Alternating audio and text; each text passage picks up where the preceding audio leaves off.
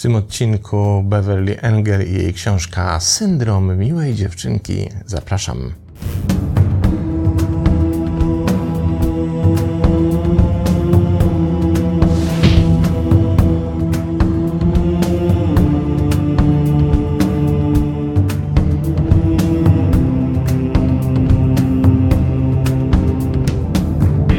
Jak zwykle zaczniemy od tego, by przyjrzeć się, kim jest autorka dzisiejszej książki. Beverly Engel jest uznaną na całym świecie psychoterapeutką i adwokatem ofiar przemocy seksualnej, fizycznej i emocjonalnej. Jest autorką 22 książek, z czego w Polsce znamy tylko jedną, a przynajmniej mi się udało namierzyć jedną tylko, zatytułowaną Jak uwolnić się od przemocy psychicznej, wydaną w 2022 roku, czyli dosłownie chwilę temu, a pochodzącą z roku 2020. Książki tej autorki były wielokrotnie nagradzane i zostały przetłumaczone na wiele języków, m.in. japoński, hiszpański, chiński, koreański, grecki, turecki i litewski.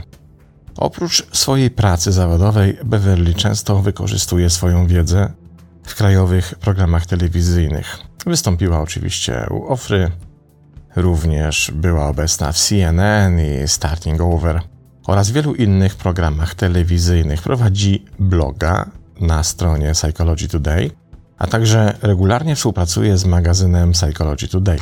Występowała również jako ekspert w Ladies Home Journal, Red Book, Marie Claire, The Chicago Tribune, Washington Post, Los Angeles Times, Cleveland Plain Dealer i Denver Post. I zanim przejdziemy do treści książki, zastanawiałem się wcześniej, czy na pewno jako facet powinienem poruszać ten temat. Ale z drugiej strony pomyślałem sobie, że nieobecność tej książki na rynku polskim to naprawdę wielka strata i szkoda. Nie tylko dlatego, że nie mogą jej przeczytać kobiety, których tak naprawdę bezpośrednio dotyczy, ale też dlatego, że lektura tej książki może pomóc facetom inaczej spojrzeć na problem, zobaczyć siebie również w kontekście tego problemu, zobaczyć to, w jaki sposób w interakcjach z kobietami ten problem niestety czasem umacniają, a czasem często umacniają i sobie z nim totalnie nie radzą. Ale druga strona medalu jest również taka, że to wiedza nie tylko niezbędna dla kobiet, to wiedza również niezbędna dla terapeutów.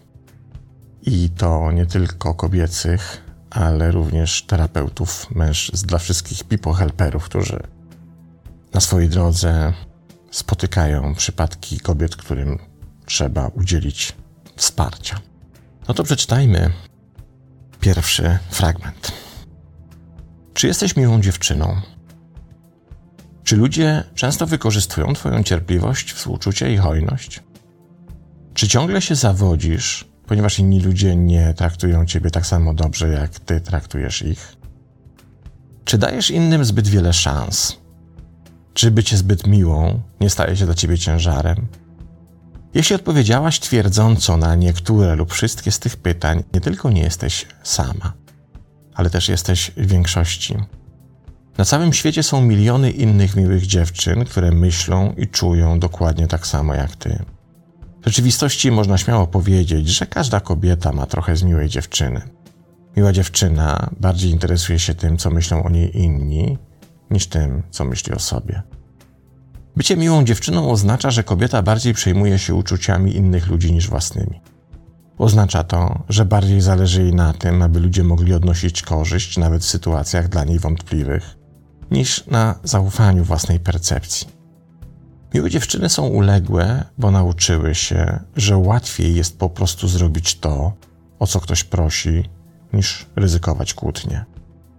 Miłe dziewczyny są pasywne, pozwalają rzeczom się dziać, Często za bardzo boją się stanąć w obronie siebie, więc można nimi łatwo manipulować.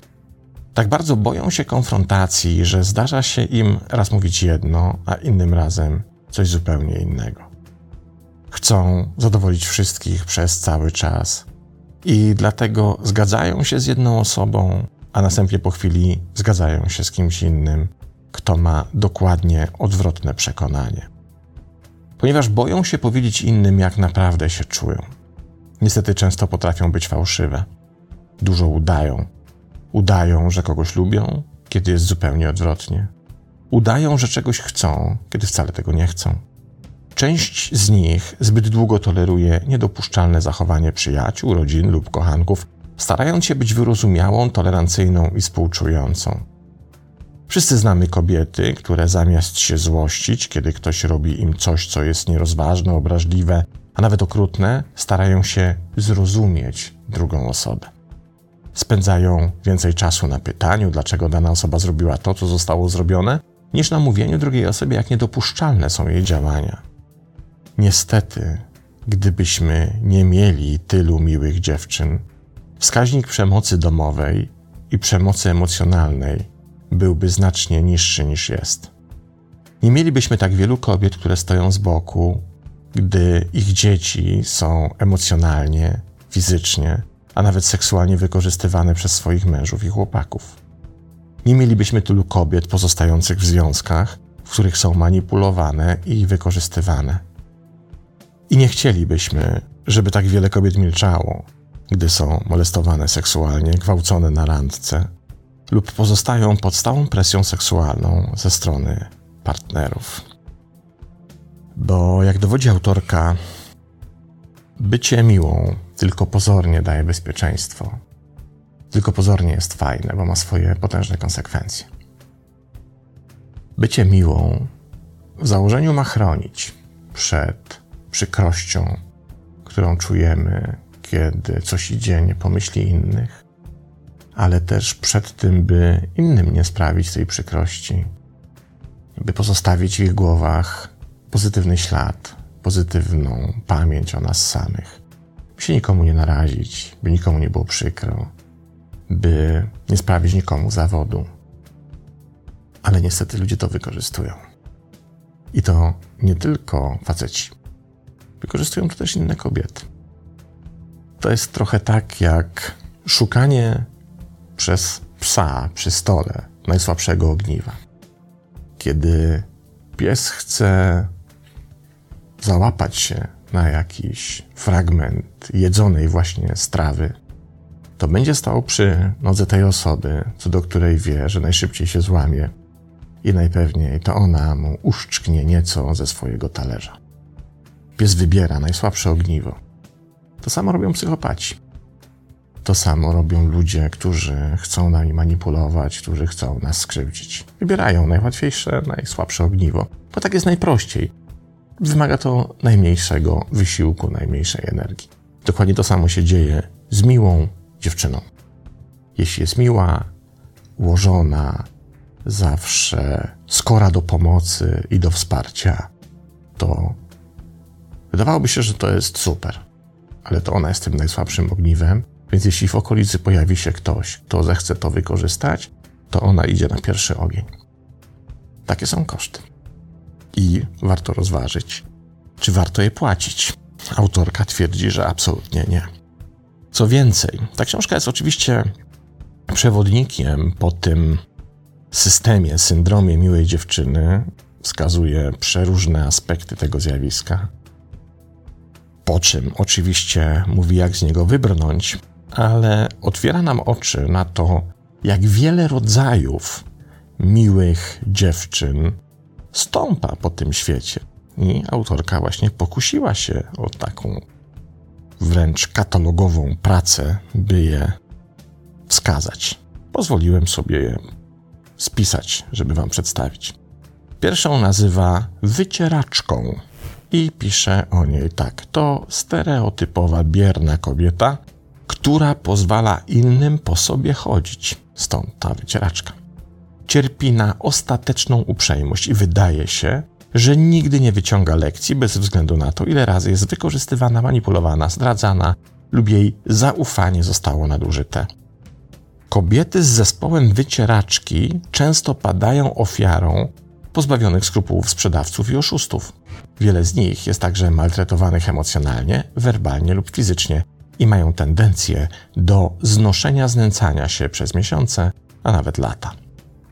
Typ numer dwa pretendentka. Ten typ kobiety wykonuje ogromną inwestycję w sprawianie, by wyglądać na miłą, chętną do współpracy i czarującą, kiedy w rzeczywistości może być zła i urażona. Udaje, że się zgadza, podczas gdy w rzeczywistości nie ma takiego zamiaru. Często udaje, że interesuje się tym, co mówią lub robią inni, podczas gdy w rzeczywistości jest tym znudzona. Udaje też szacunek i podziw, podczas gdy w rzeczywistości często gardzi innymi. Trzeci typ niewinna. Ten typ nice girl jest bardzo naiwny i łatwowierny, szybko wierzy w to, co mówią jej inni, dlatego łatwo ją manipulować lub oszukiwać. Niewinna często nadal broni partnerów lub dzieci, które są samolubne, podstępne lub rażąco obraźliwe, nawet jeśli wszyscy wokół niej próbują jej powiedzieć, że jest wykorzystywana lub maltretowana. Typ czwarty ofiara. Czuje się beznadziejna, bezradna i zbyt słaba, aby zmienić swoje okoliczności życiowe. Próbując być miłą, tłumiła swoją moc do tego stopnia, że straciła z nią kontakt całkowicie. Te, które cierpią na ten rodzaj syndromu nice girl, są znane z tego, że pozostają z fizycznie agresywnym mężczyzną, nawet po kilkukrotnej hospitalizacji z powodu pobicia. Typ piąty męczennica. Ten typ kobiety poświęca się dla innych rodziców, partnera i lub dzieci. Obejmuje to poświęcanie czasu, własnego bezpieczeństwa finansowego, a nawet zdrowia w celu pomocy lub ratowania innych. Często męczennica poświęca swoje życie pomaganiu innym, daje z siebie wiele, aż w końcu pojawia się rozgoryczenie, bo czuje, że nie dostała nic w zamian i obwinia innych za swoje poświęcenie. Typ szósty. Pruderyjna. To typ, który ma silną potrzebę bycia doskonałą lub moralnie nieskazitelną, stosuje się do sztywnych standardów, np. zakaz seksu przed ślubem, brak alkoholu itd., tak i często działa w konserwatywnym kościele religijnym. Zdecydowanie nie pochwala pewnych zachowań i bardzo osądza innych, którzy angażują się w działania, których nie akceptuje. Ale ukrywa swoją dezaprobatę za murem uprzejmości tyle, że kiedy zdarzy się, że puszczą jej hamulce, to możemy się mocno jej zachowaniem zadziwić. Typ siódmy oświecona. Ten typ kobiety do tego stopnia mocno wierzy w tolerancję, współczucie i przebaczenie, że tłumi swój gniew i nie pozwala sobie na wyrażanie takich normalnych uczuć jak smutek, zazdrość, złość czy uraza. Dusi więc je w sobie, co z biegiem czasu stanie się autodestrukcyjne i często zakończy poważnymi problemami zdrowotnymi, zarówno na planie fizycznym, jak i psychicznym. No to mamy siedem podstawowych typów miłej dziewczyny. Rozpoznajecie kogoś takiego w swoim najbliższym otoczeniu? Pewnie tak. Pytanie jest też takie: skoro mamy syndrom miłej dziewczyny, to co się znajduje po drugiej stronie? Co jest opozycją do bycia miłą dziewczyną? Czyli w którym kierunku moglibyśmy zmierzać, jeśli chcielibyśmy zmienić ten stan? Więc takim pierwszym podejściu wydaje się, że po drugiej stronie powinien być harpagan. Powinna być zołza, powinna być jędzowata harpia, która po prostu rządzi wszystkimi i wszystkich traktuje z buta. Ale jest dokładnie inaczej. Autorka twierdzi na podstawie wielu lat swojej praktyki psychoterapeutycznej i psychologicznej, że po drugiej stronie bycia miłą dziewczyną znajduje się coś, co nazywa się silna kobieta. Posłuchajmy, kim jest silna kobieta. Silne kobiety wcale nie są dziewczynami. Uwaga, samo słowo dziewczyna może być bowiem używane do opisywania młodych, niedojrzałych kobiet. Jednak słowo dziewczyna jest często używane do opisywania szczególnie niedojrzałych kobiet. Może to sprawiać, że kobiety czują się młodsze, ale też że odbiera się im w ten sposób władzę czy pozycję lub też szacunek. Z tego powodu, poza naszym terminem nice girl, miłe dziewczyny, proponuję używać słowa kobieta w każdym wypadku, gdy mówimy o kobiecie powyżej 18 roku życia. Nie zwracamy na to uwagę, nie? Mówiąc, cześć dziewczyny, a tutaj może być pewien element deprecjacji i trudno się temu dziwić. Jak więc odróżnić silną kobietę od miłej dziewczyny? Posłuchajmy. Silne kobiety nauczyły się, że uprzejmość nie gwarantuje, że inni będą traktować je sprawiedliwie lub z szacunkiem. Wiedzą, że będąc zbyt miłymi, tak naprawdę zachęcają innych do wchodzenia im na głowę. Nauczyły się, że szacunek zdobywa się najpierw szanując siebie, a dopiero potem domagając się tego szacunku od innych. Silne kobiety nigdy nie odkładają na bok swojego bezpieczeństwa lub poczucia własnej wartości, aby zadowolić kogoś innego lub zatrzymać przy sobie mężczyznę. Jeśli ktoś zachowuje się niewłaściwie lub obraźliwie w jakikolwiek sposób, w tym emocjonalnie obraźliwy, silne kobiety stają w obronie siebie i dają jasno do zrozumienia, że nie będą tolerować nadużyć. Jeśli to nie zadziała, odchodzą. Silne kobiety chcą mężczyzn w swoim życiu, ale nie za cenę ich bezpieczeństwa, bezpieczeństwa ich dzieci, szacunku do samego siebie, poczucia własnej wartości czy spokoju ducha. Silne kobiety wiedzą, czego chcą i wierzą, że mają do tego prawo i potrafią samodzielnie wymyślić, jak to zrobić. Nie przechodzą po nikim po drodze do celu, ale też nie pozwalają nikomu, by przechodzono po nich. Silne kobiety szanują prawa innych, ale jeśli ich własne prawa nie są szanowane, wiedzą, jak się bronić. Silne kobiety zdają sobie sprawę, że ich głos ma moc, więc zamiast milczeć, aby uniknąć niezadowolenia kogoś lub zranienia czyichś uczuć, nie wahają się wyrażać własne zdanie zarówno w ważnych, jak i mniej ważnych sprawach. Rozumieją, że o wiele ważniejsze jest bycie wierną sobie i swoim przekonaniom niż to, by ktoś je lubił. Silne kobiety pracują nad swoim rozwojem, starają się być coraz lepsze, a następnie oczekują, że inni, zwłaszcza mężczyźni, zaakceptują je i docenią takimi, jakimi są. Nie są chętne do zmiany tylko po to, by zadowolić kogoś innego i dysponują wystarczającą mądrością, by zdać sobie sprawę, że jeśli ktoś ich nie akceptuje, zawsze jest ktoś inny, kto to zrobi. Silne kobiety nauczyły się, że wiele kobiecych zachowań i postaw po prostu już nie działa. Na przykład, że kobiety potrzebują mężczyzn, aby je wspierać i chronić. Miały odwagę odrzucić te przestarzałe wierzenia i sposoby działania i przyjąć zupełnie inny styl życia. No i dochodzimy do clue. Jak to zrobić, by porzucić syndrom miłej dziewczyny i stać się silną kobietą? Od czego to zależy? Jakich wyborów dokonać? Jakie decyzje podejmować? Czym się w życiu kierować? Przecież wszyscy doskonale wiemy, że bardzo często ten syndrom miłej dziewczyny to również efekt oprogramowania, które zostało wdrożone do systemu przez rodziców, przez ojców, przez matki, przez całe pokolenie oraz wciąż nieśmiertelny system patriarchalny. No i autorka mówi, co następuje. Bycie zbyt miłym może być trudnym do zerwania nawykiem, ponieważ to niezdrowe zachowanie jest wpajane kobietom w bardzo młodym wieku. Porzucenie potrzeby bycia postrzeganą jako sprawiedliwa, wyrozumiała, a nawet bezinteresowna może być bolesnym procesem. Niektórzy boją się konfrontacji, najczęściej spowodowanej ciągłym konfliktem w ich rodzinnych domach lub byciem emocjonalnie lub fizycznie maltretowaną w dzieciństwie. Zamiana miłej dziewczyny w silną kobietę to coś więcej niż tylko stawanie się bardziej asertywną lub uczenie się stawiania granic. Ten proces polega na wydobyciu, a następnie odrzuceniu głęboko zakopanych, fałszywych przekonań i zastąpieniu ich prawdą. I na początek autorka wymienia tutaj 10 najważniejszych fałszywych przekonań, które powinny zostać umieszczone na pierwszym miejscu listy do przepracowania i odrzucenia. Posłuchajmy. Te 10 fałszywych przekonań to pierwsze. Uczucia i potrzeby innych ludzi są znacznie ważniejsze niż moje. Fałsz, nieprawda. Drugie. Jeśli będę miła dla innych ludzi, to oni też będą dla mnie mili. Trzecie. To, co myślą o mnie inni ludzie, jest ważniejsze niż moja samoocena, moje zdrowie, nawet moje bezpieczeństwo. Czwarte. Jeśli będę dobra i doskonała, będę akceptowana i kochana. Piąte. Jeśli zachowuję się naiwnie i niewinnie, ludzie się mną zaopiekują i nie będę musiała dorosnąć. Szóste. Nie mam prawa bronić siebie ani działać we własnym imieniu. Siódme. Gniew jest destrukcyjną emocją i nie powinien być wyrażany szczególnie bezpośrednio wobec tych, na których jest się złym. Ósme.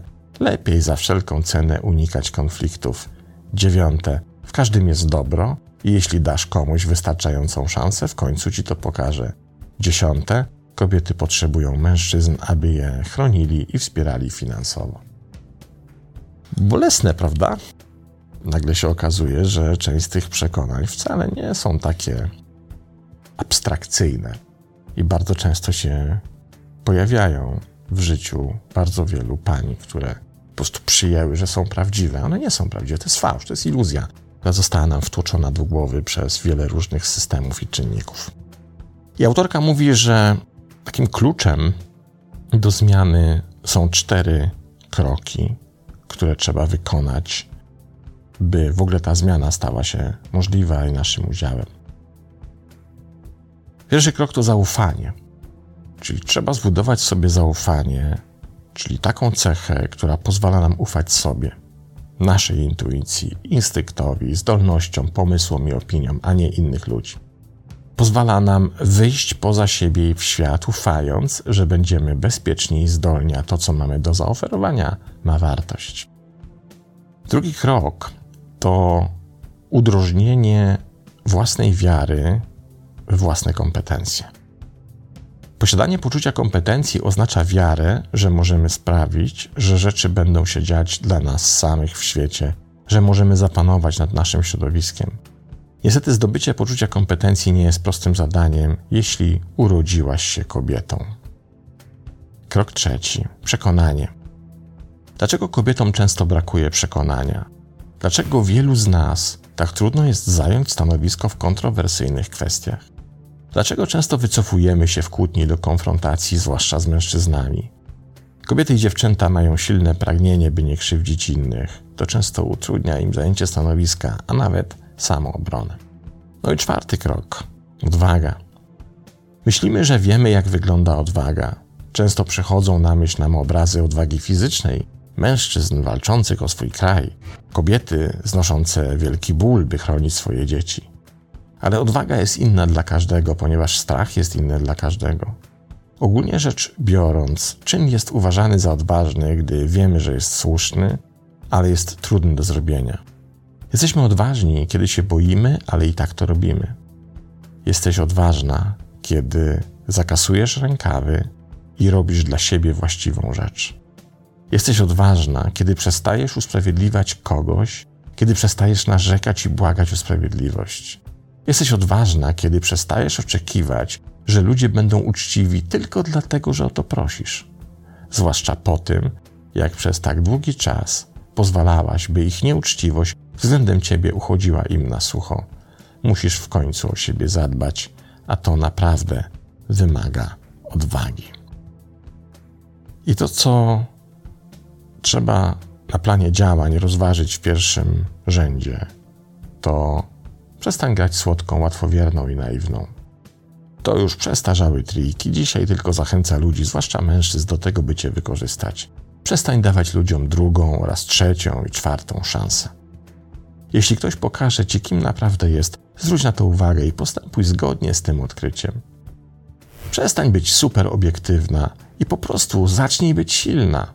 Potrzeba obiektywnej uczciwości kobiet często wpędza je w kłopoty, ich skłonność do patrzenia na obie strony sytuacji często zaciera prawdziwy problem i pozwala łatwo nim manipulować. Naucz się, że wyznaczanie granic i oczekiwanie, że inni mogą sami zadbać o własne potrzeby, może być największym aktem dobroci, jaki możesz wykonać. Nie wyświadczasz nikomu przysługi, pozwalając ludziom na to, by cię wykorzystywali. Poinformuj innych, kiedy cię zranili lub rozgniewali nie wypowiadając się, gdy ktoś cię obraża lub się nad tobą znęca, nieumyślnie dajesz mu pozwolenie na dalsze traktowanie cię w ten sam sposób w przyszłości. Zmierz się z własnym gniewem. Czasami pod całą tą uprzejmością kryje się ogromny pojemnik na wypartą i stłumioną złość. Przyznaj, że często prawdziwym powodem, dla którego troszczysz się o innych, jest to, że potajemnie chcesz, aby się tobą zaopiekowano. Masz nadzieję, że osoba, którą się opiekujesz, odwróci się i zaopiekuje się tobą w ten sam sposób. To niestety tak nie działa. Przyznaj, że czasami łatwiej jest poświęcić się dla innych, niż koncentrować się na własnych problemach lub podejmować ryzyko dążenia do własnych celów. Bądź ze sobą szczera. Jeśli chodzi o prawdziwe powody, dla których jesteś miłą dziewczyną, kiedy szukamy motywu naszej uprzejmości, często znajdujemy poczucie winy, wstydu, lęku przed konfrontacją, lęku przed odrzuceniem i intensywnego lęku przed samotnością. Czasami pozwalaj sobie na bycie złą. To nie tylko uwalnia cię emocjonalnie, ale też jest odznaką zdrowej równowagi. W rzeczywistości, jeśli czasami nie pozwolisz sobie na bycie złą, nadal będziesz przyciągać do swojego życia ludzi, którzy odegrają twoje zło za ciebie. Książka z 2010 roku, wyobraźcie sobie, nie ujrzała światła dziennego na polskim rynku wydawniczym. Syndrom miłej dziewczyny, a moim zdaniem powinna, bo niesie ze sobą wiedzę i skłania nas, czy też prowokuje do zupełnie innego spojrzenia na to, z jakimi interakcjami społecznymi się na co dzień mierzymy i z czego one wynikają. I myślę, że może być przyczynkiem do uzdrowienia tych interakcji, co paradoksalnie zadziała na korzyść obu płci, czego Wam i sobie z całego serca życzę. To tyle. Pozdrawiam i do następnego razu.